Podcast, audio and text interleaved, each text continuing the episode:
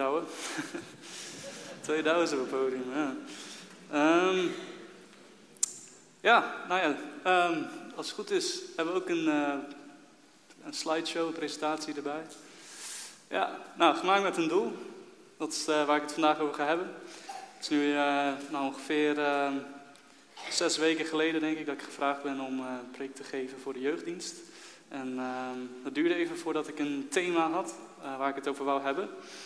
En ik, dan, dit was namelijk niet gelijk in één klap raak. Um, eerst ja, had ik het idee van, nou ja, ik zat altijd al met veel vragen en ik kan me voorstellen dat veel van de jongeren, ook van de andere mensen hier in de kerk, vaak met vragen zitten over het geloof, moeilijke vragen. Um, wie is God en waarom is er een God en waar komen we vandaan? En ik dacht van, nou, lijkt me leuk om al die vragen te, gaan, te gaan beantwoorden, maar dan zitten we hier morgen nog. Um, dus ik dacht, ik ga vertellen over datgene waar ik mijn antwoorden uit krijg. En uh, nou, daar ga ik gewoon mee beginnen.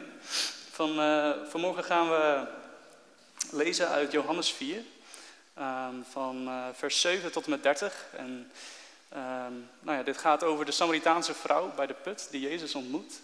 En ja, het is, uh, het is een heel mooi verhaal. En echt een mooi verhaal over Jezus die uitstapt naar iemand ja, waar dat niet van wordt verwacht en haar helpt. Maar laten we het gewoon maar gaan, gaan lezen. Dus nogmaals, Johannes 4, vers 7. Er kwam een vrouw uit Samaria om water te putten. Jezus zei tegen haar, geef mij te drinken, want zijn discipelen waren weggegaan naar de stad om voedsel te kopen. De Samaritaanse vrouw dan zei tegen hem, hoe vraagt u, die een Jood is, mij, van mij te drinken, die Samaritaanse vrouw is? Want Joden hebben geen omgang met Samaritanen. Jezus antwoordde en zei tegen haar, als u de gave van God kende en wist wie hij is die tegen u zegt, geef mij te drinken, u zou het hem hebben gevraagd en hij zou u levend water gegeven hebben. De vrouw zei tegen hem, Heere, u hebt geen emmer en de put is diep. Waar hebt u dan het levende water vandaan? Bent u soms meer dan onze vader Jacob, die ons de put gegeven heeft en zelf daaruit gedronken heeft, evenals zijn kinderen en zijn kudde? Jezus antwoordde en zei tegen haar, Ieder die van dit water drinkt, zal weer dorst krijgen. Maar wie drinkt van het water dat ik hem geven zal, zal in eeuwigheid geen dorst meer krijgen. Maar het water dat ik hem geven zal, zal in een bron worden van water dat opwelt tot in het eeuwige leven. De vrouw zei tegen hem, Heere, geef mij dat water, opdat ik geen dorst meer zal hebben en niet uh, hier hoef terug te komen om te putten. Jezus zei tegen haar, ga heen, roep uw man en kom hier. De vrouw antwoordde en zei tegen hem, ik heb geen man. En Jezus zei tegen haar, u, bent u hebt terecht gezegd, ik heb geen man. Want vijf mannen hebt u gehad en die u nu hebt, is uw man niet. Dat hebt u naar waarheid gezegd. De vrouw zei tegen hem, Heere, ik zie dat u een profeet bent. Onze vaderen hebben op deze berg aanbeden. En bij u zegt men dat in Jeruzalem de plaats is waar men moet aanbidden. Jezus zei tegen haar, vrouw, geloof mij, de tijd komt dat u niet op deze berg en ook niet in Jeruzalem de Vader zult aanbidden. U aanbidt wat u niet weet. Wij aanbidden wat wij weten, want de zaligheid is uit de Joden. Maar de tijd komt en is er nu dat de ware aanbidders de Vader zullen aanbidden in geest en waarheid. Want de Vader zoekt wie hem zo aanbidden. God is geest en wie hem aanbidden, moeten hem aanbidden in geest en waarheid. De vrouw zei tegen hem, ik weet dat de Messias komt, die Christus genoemd wordt, en wanneer die gekomen zal zijn, zal hij ons alles verkondigen. Jezus zei tegen haar, ik ben het die met u spreekt. En op dat moment kwamen zijn discipelen en zij verwonderden zich dat hij met een vrouw sprak. En toch zei niemand, wat zoekt u of wat spreekt u met haar? De vrouw nu liet haar waterkruik staan en ging naar de stad en zei tegen de mensen, kom, zie iemand die mij alles gezegd heeft wat ik gedaan heb. Zou hij niet de Christus zijn? Ze gingen dan de stad uit en kwamen naar hem toe. Nou, ik hoop dat de aandacht er nog bij is na dat lange stuk, maar... Uh, het, uh, ja, het, ik vind het zelf een heel mooi verhaal. Uh, we lezen over allerlei dingen. We lezen over levend water, uh, we lezen over dorst, we lezen over aanbidding. Um, maar als eerste zou ik graag even met jullie willen focussen op die Samaritaanse vrouw. We leren al gauw dat deze vrouw al vijf mannen heeft gehad. En dat de man waar ze nu mee is ook niet haar man is. Nou, ik denk dat er meerdere redenen zijn uh, dat Jezus precies dit feitje over haar opnoemt. Ehm, hij deed natuurlijk een wonder. Hij wou haar laten weten dat hij alles al wist over haar zonder haar ooit eerder gesproken te hebben. Maar toch noemt hij dit ene op. Nou, er zijn dus ik, meerdere redenen, maar ik denk dat het volgende op zich ja, gewoon een goede beschrijving is. Want deze mevrouw is dorstig, dat, dat lezen we. Maar ze is niet alleen dorstig naar water, ze is dorstig naar iets meer dan dat. Waarschijnlijk dus liefde. Een, een liefde die ze probeert te vinden in mannen. Dat gaat dus niet zo goed, aangezien er al zes doorheen gesleten zijn. Maar um, ik denk dat er hier voor ons allemaal wel een punt van herkenning in zit. Ik denk dat we allemaal wel eens op zoek zijn, maar het maar niet vinden. En dat waar we naar op zoek zijn, dat um, kunnen we heel letterlijk nemen. Dat is, nou ja, uh, je kunt een keer op zoek zijn naar je sleutels. Maar ik denk dat we ook wel eens op zoek, op zoek zijn naar iets, ja, net zoals dat die mevrouw op zoek is naar water, ook meer op zoek is naar meer dan dat water. Ze is uh, op zoek naar liefde. En voor sommigen is dat misschien erkenning of troost. Of, um, ja, eigenlijk denk ik dat het altijd al neerkomt op, op, voldoening. We, zoeken, we zijn op zoek naar voldoening. En nou, ik ben zelf ook uiteraard op zoek geweest naar een voldoening in mijn leven. En ik heb dat ook wel eens gezocht op een plek waar ik dat niet kon vinden. Um, en voor mij was dat uh, mijn computer. Nou ja, ik ben eigenlijk een uh, complete nerd, dus ik hou veel van computers, programmeren, um, eigenlijk ja, films, gamen. En um, een lange tijd van mijn leven heb ik uh, heel veel tijd achter mijn computer besteed. En um, eigenlijk was dat altijd een soort van mijn uh, toevlucht. Dat heb ik voor een lange tijd niet gerealiseerd. Maar ik weet dat ja, ik vele avonden na school of na mijn werk achter mijn computer heb besteed. Ehm, films kijken, series kijken, eindeloos scrollen op YouTube. Um, en toch voelde ik altijd een leegte. Ik hoopte altijd weer, ik kwam altijd weer terug naar die plek. Net zoals die vrouw terugkomt naar die put. Um, maar telkens voelde ik toch een leegte. Er was geen voldoening voor mij op die plek. Terwijl ik het er wel in zocht. En dit is misschien iets totaal anders voor jou. Misschien ligt jouw voldoening in het um, geaccepteerd worden door anderen. Um, doe je er alles aan dat anderen je mogen?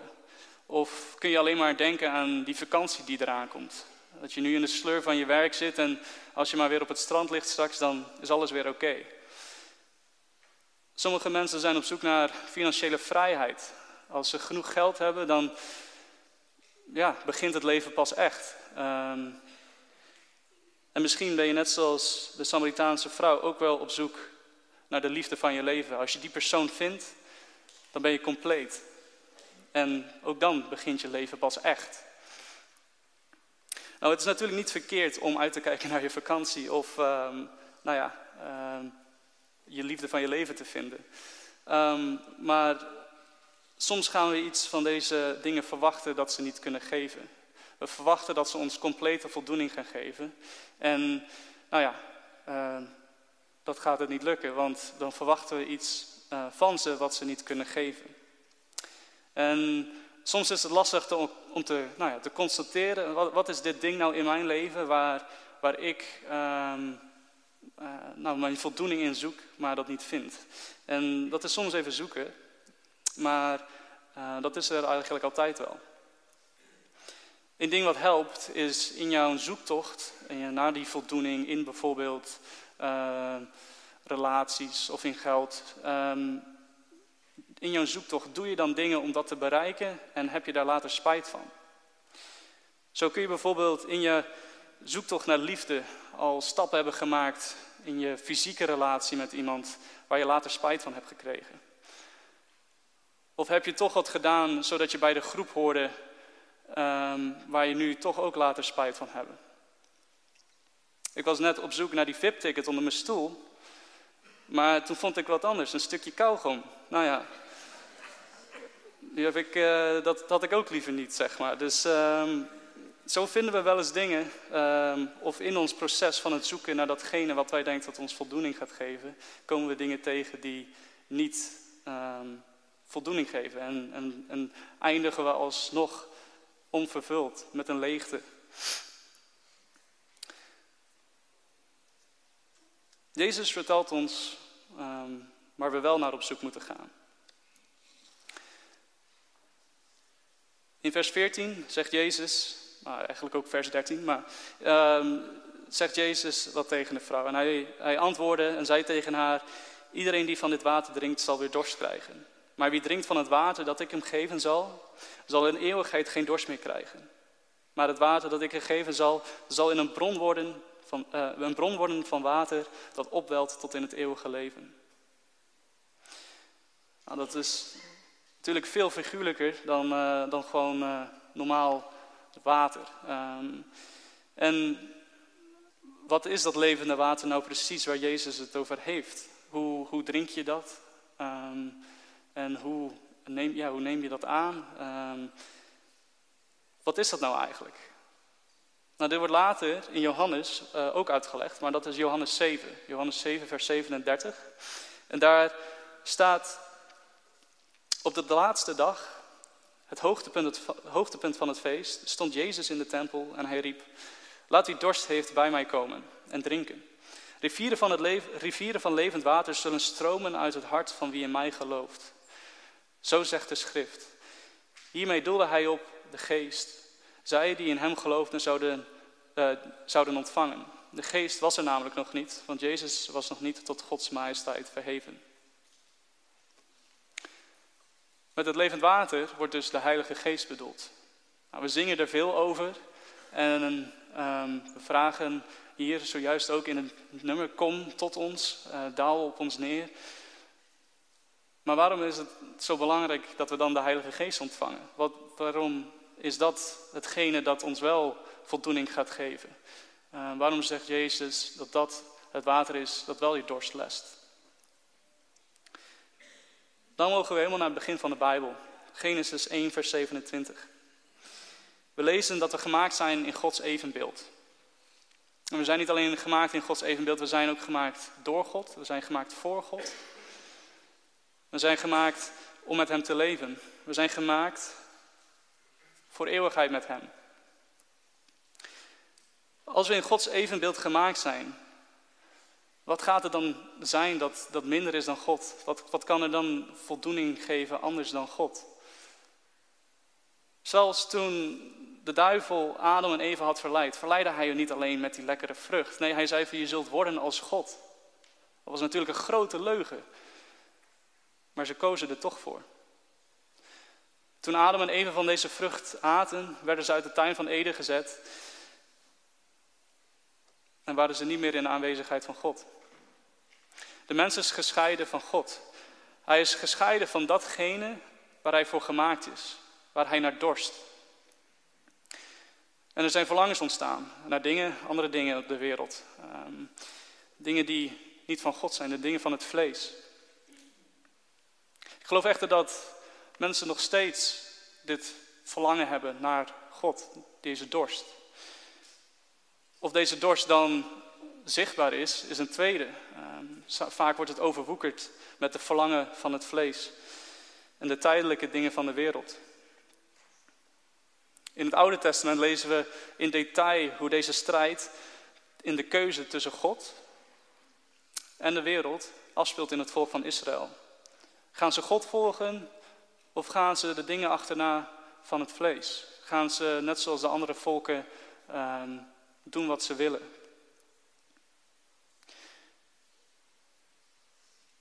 In het Nieuwe Testament lezen we dan over Jezus.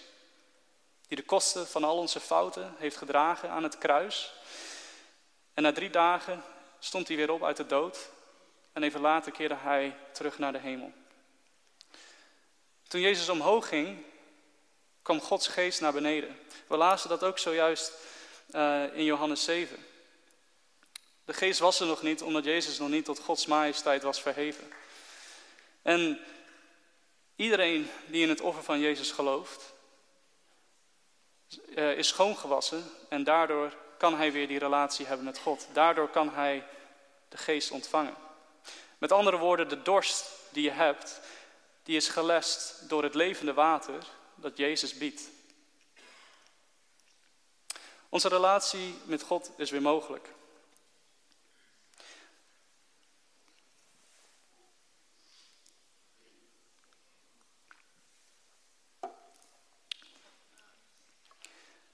Ik heb zelf van het levende water gedronken toen ik ervoor koos om mijn hart aan Jezus te geven. Maar toch kijk ik vaak om voldoening naar andere dingen om mij heen. En dat herken je misschien ook wel in jezelf. Ehm, je denkt van je moet, je dorst is nu toch gelest. Je hebt van het levende water gedronken, gedronken toen, je, toen je begon te geloven in Jezus als je verlosser. Maar toch voelt het alsnog uh, soms alsof je op zoek bent. Hoe zit dat eigenlijk? Nou, datzelfde kunnen we ook vinden in Johannes 7. In vers 38 staat: Rivieren van levend water zullen stromen uit het hart van wie in mij gelooft. De Heilige Geest zit in je hart. Op het moment dat je gelooft dat Jezus jouw verlosser is, dan zit de Heilige Geest in je hart en hij zit niet stil. Hij wil relatie met je hebben. We lezen over rivieren die zullen stromen. En dat is precies wat we ze moeten laten doen. We moeten ze laten stromen. Maar soms bouwen we dammen. We bouwen dammen om, om deze bron van het levend water heen. En, en de rivieren die, die stoppen. Ze blijven nog steeds stromen natuurlijk, maar we houden ze tegen. En die dammen zijn gemaakt van de dingen, de drukte van het leven. Eigenlijk van alles, behalve God. En natuurlijk is je werk of uh, school uh, zijn, zijn dingen die we doen. Maar deze dingen die, uh, die kunnen geleefd worden naast onze relatie met God. Maar we moeten dan alsnog wel relatie hebben. Soms hebben we er namelijk helemaal geen tijd voor. En dat is een ander probleem. Het valt te vergelijken met iemand die al heel lang alleen is. En toen op zoek geweest is naar een vriend. Uh, en uiteindelijk heeft hij dus een vriendschap gemaakt. En um, ja, toen heeft hij het eigenlijk in één keer heel druk gekregen. En heeft hij alsnog geen tijd gehad voor die nieuwe vriend. En als resultaat voelde hij zich alsnog alleen. En misschien herken je dat wel in je relatie met God. Ook al hebben we een nieuwe, kans, uh, ook al hebben we nieuwe kans gekregen, um, kiezen we ervoor, net zoals Adam en Eva, uh, om nog voor alsnog voor onszelf te kiezen in plaats van God. Het is niet alleen de vriendschap zelf die voldoening geeft, maar ook het uitvoeren van die vriendschap, het leven in relatie met God. Als Jezus volgen waarheid is voor jou, dan moet je die waarheid ook uitleven. Als je iets zegt, dan moet je het ook doen. Het mooie is nu dat door het offer van Jezus aan het kruis, we elke keer weer opnieuw voor God mogen kiezen op de momenten dat we dat daarvoor niet deden. Maar nu hebben we nog steeds gehad dat we dus rivieren blokkeren, maar we hebben het er niet over gehad van hoe, hoe laten we ze weer stromen. En hoe kunnen we aandacht geven aan dat enige dat voldoening geeft. Hoe geven we aandacht aan onze relatie met God? Nou, ik heb wat mensen gevraagd uit de kerk en uh, die zullen wel eens goed is op de beamer, zullen we die zien. En uh, ja, gaan we horen wat hun doen aan hun relatie met Jezus. Als het werkt. Stil zijn? Ja. Lekker fietsen. Fietsen met God. Vooral Bijbel lezen. En uh, nou, ik hou heel erg van hardlopen, dus je hebt gesproken woord aan en lekker even een uurtje hollen. En uh, muziek maken, God loven en prijzen door middel van uh, liederen, ja, bidden. Dat. Wat mij helpt met de relatie met Jezus is de mensen om me heen, de boetes om me heen, getuigenissen van mensen. En wat is uh, iets uh, dat jou helpt met je relatie met Jezus? Uh, nou, voor het.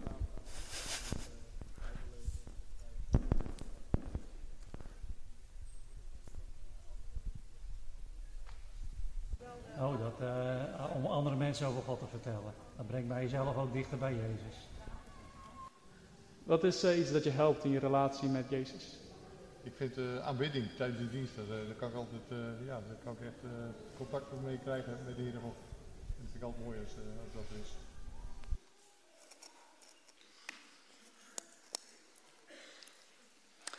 Even kijken, waar was ik? Ja, nou ja, dat zijn inderdaad goede voorbeelden. Ehm, en ehm, ik zou, ja, we hebben van alles gehoord, Bijbel lezen. Ehm, we hoorden kijken, tijd gewoon met God besteden, stil zijn, aanbidding, fietsen zelfs. En um, nou ja, eigenlijk zou ik wat dieper in willen gaan op een drietal van, van deze dingen. En um, ik wil eigenlijk beginnen bij, uh, bij Bijbellezen. Nou, je hebt het waarschijnlijk al uh, honderd keer gehoord op de zondagschool, maar uh, Bijbellezen is echt belangrijk. En soms vergeten hoe belangrijk het lezen van de Bijbel is en wat het eigenlijk allemaal kan doen. Er staan een paar voorbeelden in 2 Timotheus 3, vers 16 en 17. Um, er staat, heel de schrift is door God ingegeven en is nuttig om daarmee te onderwijzen, te weerleggen, te verbeteren en op te voeden in rechtvaardigheid. Omdat de mens die God toebehoort volmaakt zou zijn, tot elk goed werk volkomen toegerust. Nou, we lezen dat de Bijbel door God is geïnspireerd. Het wordt ook wel Gods woord genoemd. Er zijn al zoveel momenten geweest dat um, ja, ik door de Bijbel vragen heb beantwoord uh, gekregen of uh, dingen waar ik mee zat.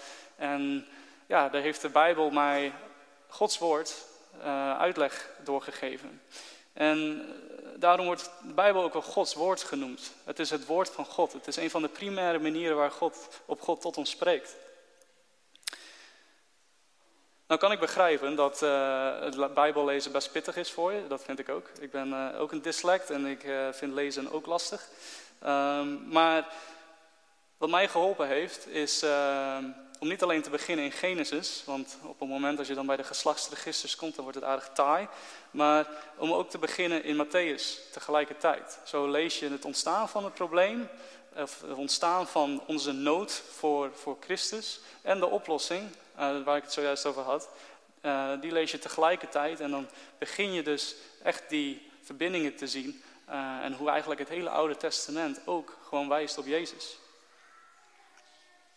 Daarnaast kun je ook nog beginnen in psalmen.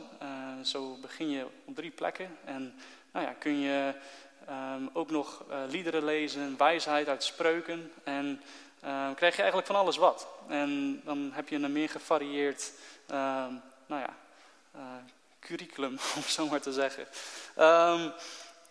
Ja, als je gaat Bijbel lezen, dan komen er sowieso vragen naar boven. Dat had ik ook. En nou ja, als, als je met die vragen zit, dan uh, zul je best vragen tegenkomen die je eigenlijk of lastig te beantwoorden vindt. En dan zal ik zeggen, sommige vragen, daar zul je misschien ook al helemaal geen antwoord voor, voor vinden. Maar je kunt altijd vragen. Je kunt altijd naar mensen in je kerk. Je kunt uh, naar je jeugdleider toe. Je kunt ook naar Bert toe. Uh, je kunt naar mij toe. Je kunt je ouders vragen. Kom naar de kerk met je vragen. Want dat is waar de kerk zijn is voor. Om elkaar te vragen en elkaar te helpen God beter te leren kennen.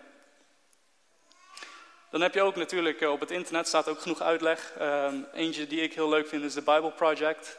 Je hebt van die video's vast wel een keer tegengekomen, vooral daar rechts onderin, waar ze dan helemaal uittekenen wat nou ja, uh, een Bijbelverhaal inhoudt. Um, maar ook hier zijn ze heel erg aan, uh, leggen ze het verhaal zo uit dat het duidelijk wordt dat eigenlijk alles in de Bijbel wijst naar Jezus. En daar word ik zelf heel enthousiast van, want dan heb ik zoiets van: dit boek is geschreven over duizenden jaren heen en dan alsnog wijst alles naar één punt toe. En nou dat vind ik heel vet. Maar ja, um, dat is dus dat. Dan uh, hebben we nog een uh, ding waar ik even naar wil kijken. En dat is tijd besteden met God. Of tijd met God besteden. Um, in het laatste stukje van het verhaal lezen we dat de Samaritaanse vrouw vraagt waar ze moet aanbidden. Moet ze aanbidden op de, de berg uh, waar haar mensen aanbidden? Of moet ze aanbidden in de tempel waar de Joden aanbidden? Nou, ze vraagt dit omdat de Joden zeggen de enige plek voor aanbidding is in de tempel. Maar Joden die hebben eigenlijk een afschuw naar Samaritanen. En die willen niet echt dat ze in de buurt komen. Jezus antwoordt dan met het volgende. Maar er komt een tijd, en is er nu, dat de ware aanbidders de Vader zullen aanbidden in geest en waarheid. Want de Vader zoekt wie hem zo aanbidden. God is geest en wie hem aanbidden, moeten hem aanbidden in geest en waarheid. Oké, nou, God is geest, dus je moet dus van, van, aanbidden vanuit geest. Nou, wat dat uh, precies betekent, uh, leg ik zo uit. Maar wat het sowieso niet betekent, is dat onze aanbidding en onze relatie met God beperkt is aan een plek. Toch zijn er mensen die al een hele lange tijd christen zijn, maar hun relatie met God beperken tot een dag en een plek in de week. En dat is de zondagochtend in de kerk. Een leraar van mij zei eens, kom niet hongerig naar de kerk. Nou, ehm, ik heb vanmorgen niet ontbeten, dus uh, ik heb al gefaald. Maar dat bedoelde hij natuurlijk niet. Um, hij had het over geestelijk voedsel. Um, hij zegt, ga niet naar de kerk en word weer opgeladen met je, met je, nou ja, hè, je geestelijke voedsel en je, en je relatie met God. En, en kachel dan weer de week door tot de volgende zondag. Of tot de volgende ehm, jeugdavond of tot de volgende kringavond. Nee, we moeten, of we moeten, God wil met ons elke dag relatie hebben. En dat is een zegen. Um, zojuist hadden we het over die voldoening. En God wil dat met ons. Uh, over die voldoening in relatie met God. En God wil die relatie met ons. Dus het is eigenlijk aan ons om gewoon die voldoening aan te nemen. Dus um, zoals ik al zei, ik zal uitleggen wat geest betekent. Of aanbidden uit de geest betekent. Um, hij zegt niet alleen, we zullen aanbidden vanuit de geest, maar ook vanuit de waarheid. Met de geest uh, wordt bedoeld dat je doet, dit doet uh, dus vanuit, vanuit je hart, vanuit wat de geest opwekt in je. En niet omdat, je omdat het van je wordt verwacht of omdat je in de kerk bent op zondag. Um, nee, de Heilige Geest roept in je op om relatie te hebben met God. En dat doet hij door allerlei manieren heen. Um, even kijken hoor, ben ik het even kwijt. Oh ja. Een voorbeeld kan zijn dus, wat we zojuist over hadden en wat we in de video zagen, is Bijbel lezen, maar ook aanbidding en, en nou ja, tijd met God besteden. En dit is iets dat eigenlijk door de dag heen gebeurt ook. Um, als ik op mijn werk zit, en ik zit er soms even helemaal doorheen, dan krijg ik in één keer het gevoel van, oh, laat ik God vragen om kracht of God vragen om wijsheid als ik ergens mee zit. En het is niet alleen een vragen, maar soms dan haal ik net mijn bus en dan hoef ik niet een half uur in de regen te wachten. En dan dank ik God gewoon even kort van, hey, God bedankt dat ik de bus heb kunnen halen. Het mooie hieraan is dat je de hele dag door in relatie met God kan leven. En als je dan um, deze, deze dingen vanuit de geest in je gedachten krijgt, dan komt de waarheid er ook bij kijken.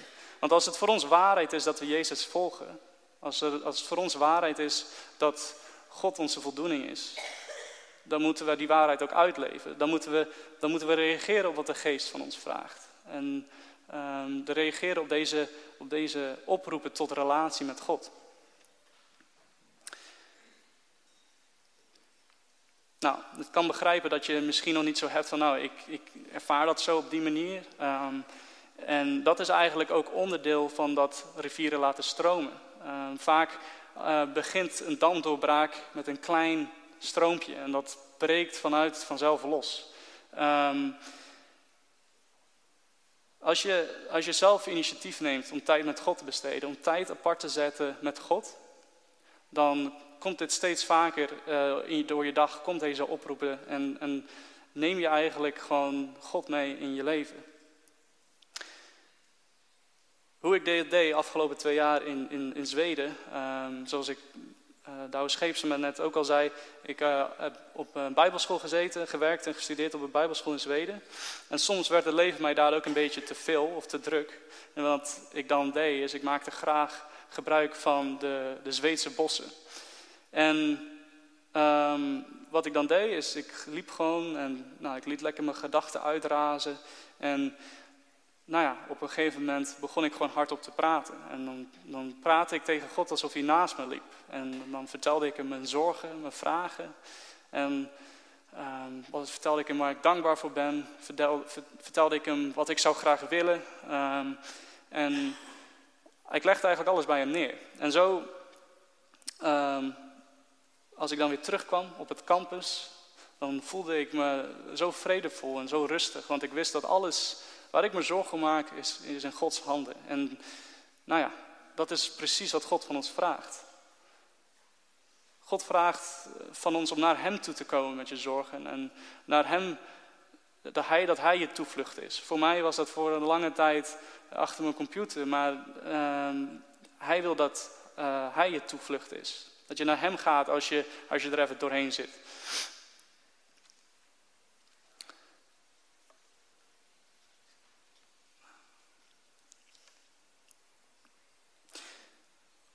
Voordat we dit verhaal lazen van de Samaritaanse vrouw, um, zegt Jezus, of staat er dat Jezus door Samaria moest. Nou, hij moest er zeker niet doorheen. Um, geografisch, inderdaad. Um, hij moest naar Galilea en hij kwam uit Judea en Samaria, Samaria die ligt er precies tussenin. maar dat was niet de gewoonte. Want in ieder geval, zoals ik al zei, de Joden die hadden eigenlijk een afschuw naar Samaritanen. En uh, er waren genoeg opties om eromheen. Maar Jezus koos ervoor om toch door Samaria te gaan. En ik, wist, ik, en ik denk dat, dat hij daar doorheen wou, omdat hij deze vrouw wou ontmoeten. Het maakt voor God niet uit wie je bent. Deze vrouw die heeft al honderden keer, nou honderdvijf keer, uh, met verschillende mannen geslapen en mannen gehad. En ze is eigenlijk verafschuwd door de mensen uh, uit haar dorp, uit haar stad. Um, maar dat maakt Jezus helemaal niet uit. Jezus maakt er niet uit waar je vandaan komt of wat je gedaan hebt. Hij zoekt jou op, want hij wil dat jij naar hem toe komt met je verlangens, naar hem toe komt voor voldoening.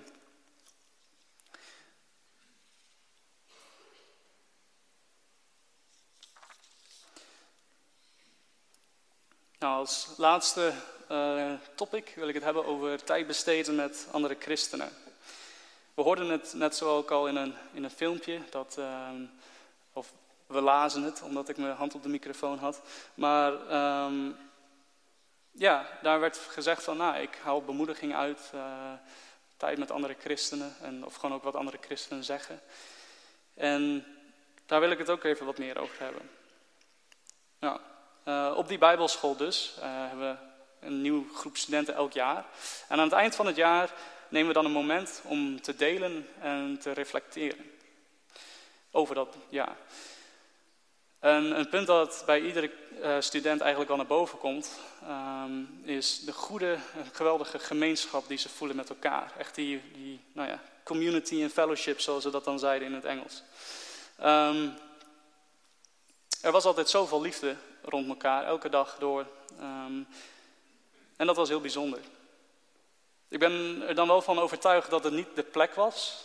En het niet de leuke dingen waren die we deden die hiervoor zorgden. Maar dat het de mensen waren die daar, uh, die daar waren, die daar kwamen.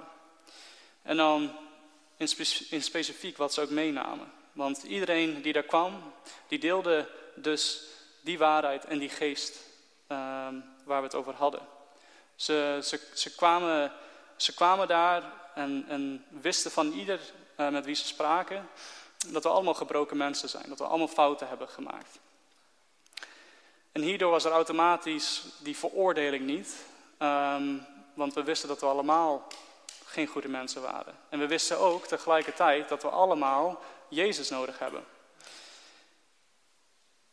En om die geest dan uit te leven um, en, en te reflecteren op wat de geest dan in hen oproept, om, om wat voor manier ze die liefde die voor Jezus voor hun had ook te kunnen uitdelen met anderen.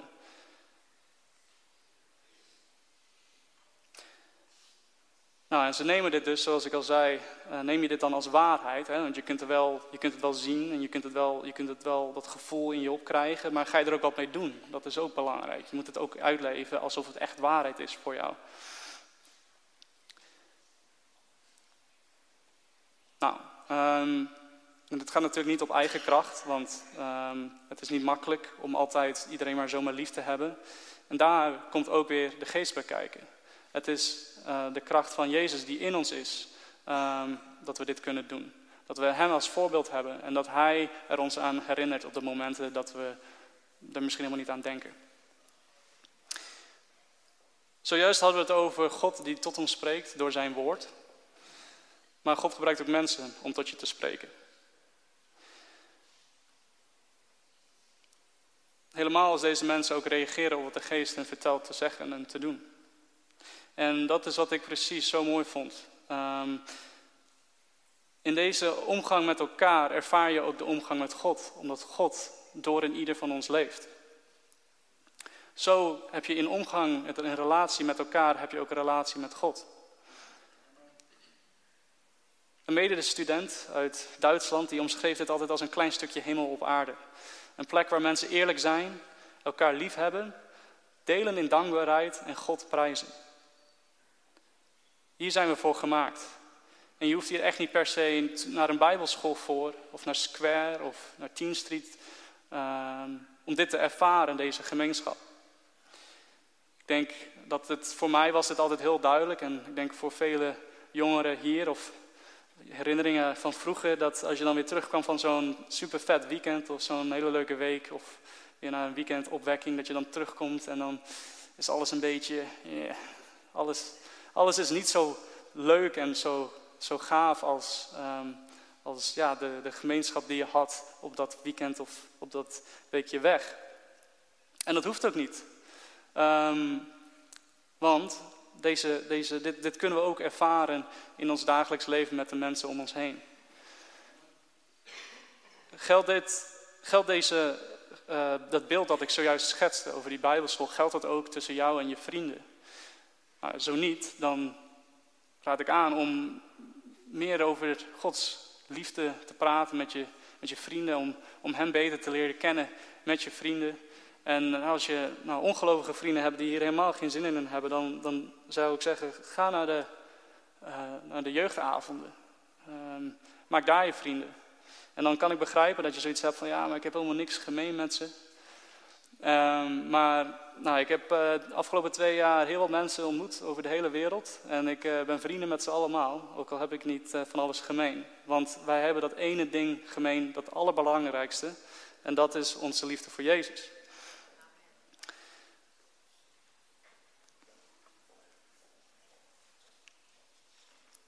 God heeft ons niet alleen gemaakt voor relatie met Hem, maar ook voor relatie met elkaar. En als deze twee dingen samenkomen, dan ontstaan er geweldige diepe vriendschappen die ons helpen in datgene waar we voor gemaakt zijn. Die ons helpen in onze relatie met God. Ik wil graag afsluiten met het volgende. Uh, we hebben het zojuist veel gehad over voldoening vinden en over praktische stappen die je kunt nemen in je relatie met God. Een leven leiden waar we voor gemaakt zijn.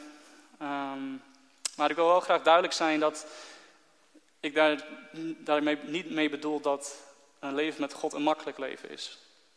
Het is niet zonder vallen en opstaan. De praktische dingen uh, die ik zojuist verteld heb, zijn geen recept voor een leven zonder moeite of pijn.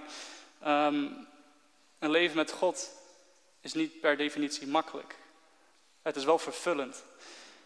En in deze momenten um, denken we wel eens van, man, dit is wel, dit is wel moeilijk. En, um, maar God, die wil je erbij helpen. En, en dat is zo mooi aan je relatie met Hem. Jezus zegt tegen de Samaritaanse vrouw, wie drinkt van het water dat ik hem geven zal, in eeuw, zal in eeuwigheid geen dorst meer krijgen. Maar het water dat ik hem zal geven, zal in hem een bron worden van water dat opwelt tot in het eeuwige leven. Het leven met God is een eeuwig leven. En dat begint niet pas na de dood. Nee, dat begint op het moment dat je van het water drinkt. Het verschil echter tussen een leven met God nu en met na de dood is dat we, we leven nu nog in een wereld met moeilijkheden, met pijn, zonde, eh, afleidingen, verleidingen. Maar het mooie eraan is is dat we wel leven met God. Nogmaals, God wil niet, niets liever dat je naar Hem toe komt voor hulp. De dingen die deze mensen in de video zojuist opnoemen, zijn manieren in waarop jij je leven met God kunt leven, zo, zoals je het hopelijk ook in de toekomst gaat leven. Want die hoop mogen we hebben, dat wij op die dag allemaal samen mogen komen en, en in, in, in, van voor Gods heerlijkheid mogen staan, waar, waar we mogen genieten van relatie met Hem, zonder, geene, zonder enige stoorzender. En, en, en dat, is, dat is iets waar we naar mogen uitkijken.